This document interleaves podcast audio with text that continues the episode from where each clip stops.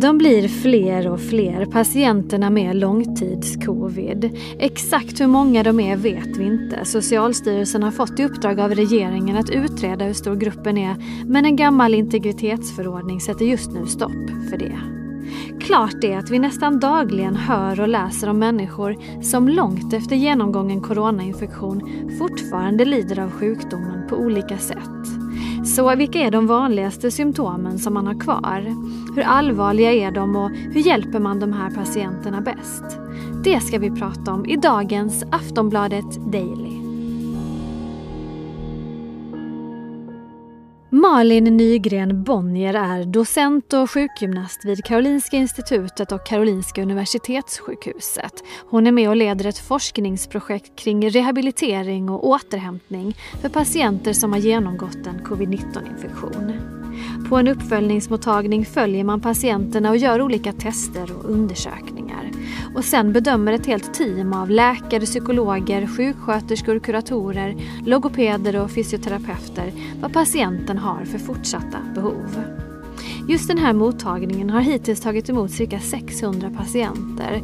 Men det är hårt tryck och nya remisser kommer varje dag.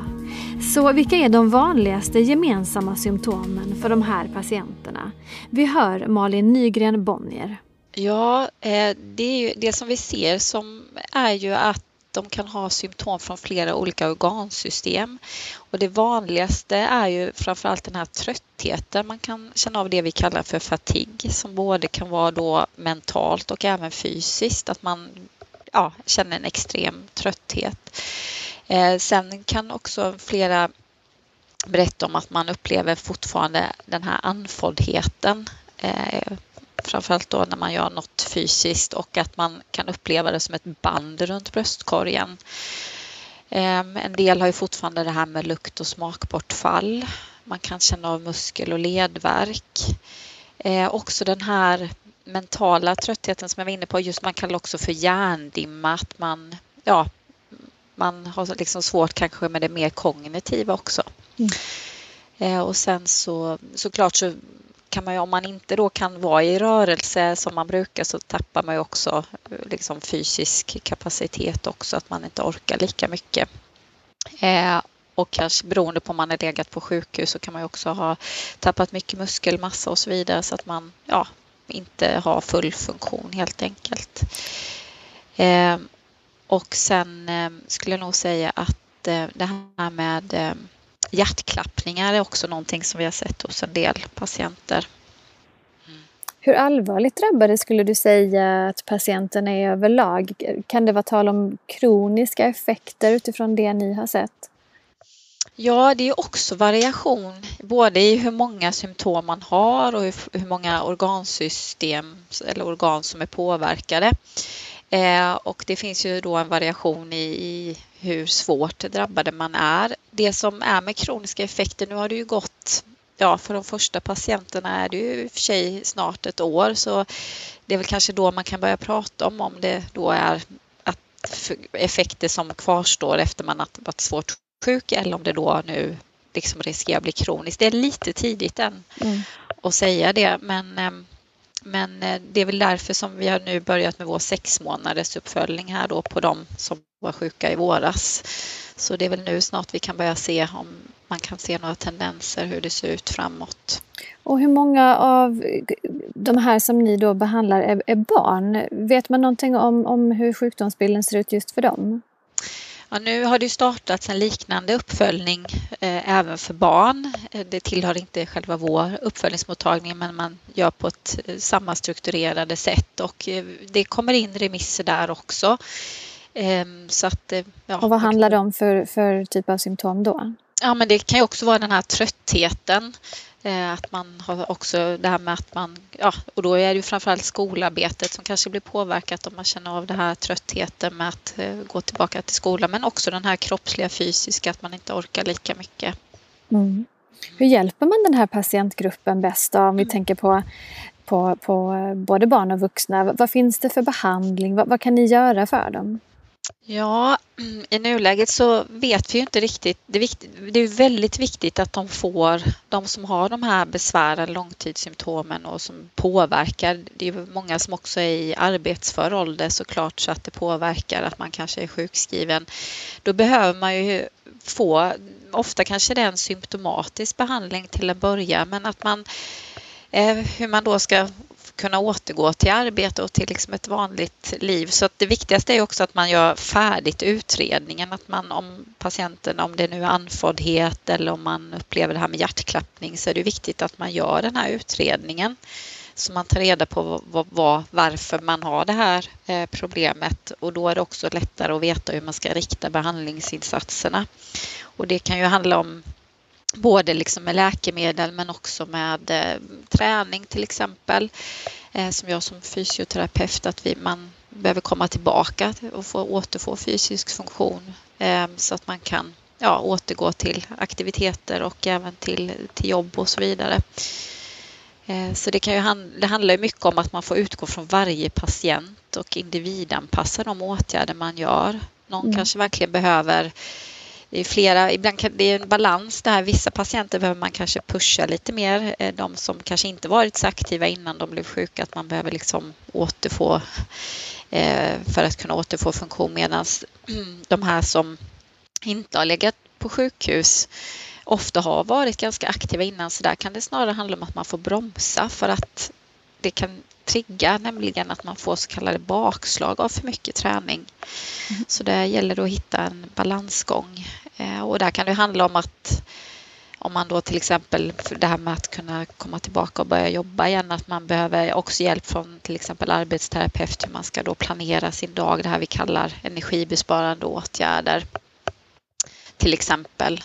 Eh, de som mår dåligt rent eh, psykiskt, att man ja, känner av ångest och depression kan ju också behöva hjälp av en psykolog till exempel. Och har man problem gällande kosten, både antingen med viktnedgång eller att man ändrade kostvanor så kan man ju behöva hjälp av dietist och så också. Så det beror ju helt på vilka besvär patienten har. Ni, det här är ju en ny sjukdom och eh, det är förstås många som, som tittar nyfiket på vad ni kommer fram till i det här forskningsprojektet. Mm. Vad är det mest förvånande eh, eller liksom överraskande som ni har kommit fram till hittills utifrån det ni har sett? Ja, då är det så att eh, forskning tar ju alltid lite tid så vi kan väl liksom mer se de kliniska fynd och lite tendenser men just att den här gruppen också som inte har legat på sjukhus. Vi hade ju inte planerat att följa den gruppen sedan tidigare utan ehm, det tillkom ju här under liksom från sommaren och jag eh, hade nog inte förväntat mig, eller vi, att, att de skulle ha de här långvariga fluktuerande symptomen som kommer och går. Ofta efter en infektion eller influensa, det är, det är ju vanligt att man är trött, att, man liksom, att det kan ta en tid att återhämta sig, men att det brukar ju ändå gå åt rätt håll. Men här så ser vi ju att symptomen fluktuerar över tid, att man kan liksom få tillbaka feber efter ett tag och, och att symptom tillkommer, något, något, kanske försvinner så kommer något annat och att det har pågått så väldigt länge. Just det. det hade väl vi inte riktigt förväntat oss. Och, och vad finns det för teorier kring det än så länge? Ja, det är en bra fråga. Eh, det är väl det som forskningen nu försöker ta reda på. Det finns ju lite olika teorier om det här med som vi pratade om att man har, man har en autonom dysfunktion, är det någon inflammation som ligger kvar eller så. Det vågar jag inte riktigt svara på men det är väl det vi behöver ta reda på för att veta varför det blir så här. Varför blir vissa jättesjuka och varför får vissa de här långvariga symptomen som fluktuerar. Det är lite olika grupper också som vi har sett, de som blir väldigt svårt sjuka jämfört med de som då har vårdats hemma. Och, och, varför blir det så? Men, men bedrivs det tillräckligt med forskning då? Den här gruppen, tänker man väl att den kommer att fortsätta öka nu? Vi har ändå levt i, i ett år här med pandemin och, och smittan fortsätter öka på vissa ställen i, landen, i landet. Precis, jo men alltså ja, absolut att det behövs mer forskning och vi vet ju inte riktigt än exakt hur många eh, liksom procent. Det finns ju studier i andra länder som visar på att det handlar om mellan 5 och 10 procent som kanske får eh, kvarstående eh, besvär och symptom och därför är det ju jätteviktigt att vi i hela landet eh, bedriver forskning och försöker ta reda på så mycket som möjligt för att bygga den kunskapen. Det är ju lite som när det är en ny sjukdom så behöver man bygga samtidigt som man försöker lära sig så att därför är det viktigt att ha det här forskningsperspektivet med så att man då kan göra analyser av de resultaten och ja, kunna komma ut med ny kunskap helt enkelt. Kan man se någonting gemensamt med de som hamnar hos er? Är det till exempel en stor övervikt män? Eh, handlar det om, om hur, hur man har levt tidigare? Så finns det någonting där man kan säga? Ja, det finns, en del, ja, precis, det finns en del studier både från andra länder och även i, i Sverige har det kommit ut att de som till exempel har hamnat på IVA har ju varit majoriteten män, eh, lite högre ålder eller över 60. Ofta att man haft någon underliggande sjukdom som blod, högt blodtryck eller diabetes. Övervikt kan också vara någon faktor. Eh, Medan de som vi ser, de här som har vårdats hemma eh, som kommer, det, det är majoriteten kvinnor eh, i något lägre åldersspann, kanske från ja, 25 till 50. Eh, och de har ofta inte haft någon annan underliggande sjukdom och varit ganska så fysiskt aktiva tidigare. Men hamnar båda grupperna hos er? Ja, det har ju blivit så att, att vi då de här som kommer från, som, de, de skickar ju remisser då från primärvården. Så att primärvården har ju ett jättestort uppdrag här också att, såklart och, och de tar ju de flesta av de här patienterna. Men när man inte kan komma vidare, varför patienterna har de här fortsatta besvären, när, man, ja, när det behövs fler fördjupade utredningar och undersökningar, det är då de remitteras, remitteras vidare till oss. Eh, och det är då som vi kan liksom, ja, komma in med ett ännu större undersökningsbatteri. Så det är ju viktigt det här samarbetet då mellan primärvård och då kanske mer högspecialiserad nivå som, som finns hos oss eh, mm. och att man har hela det här teamet runt omkring med alla olika möjligheter till undersökningar och så.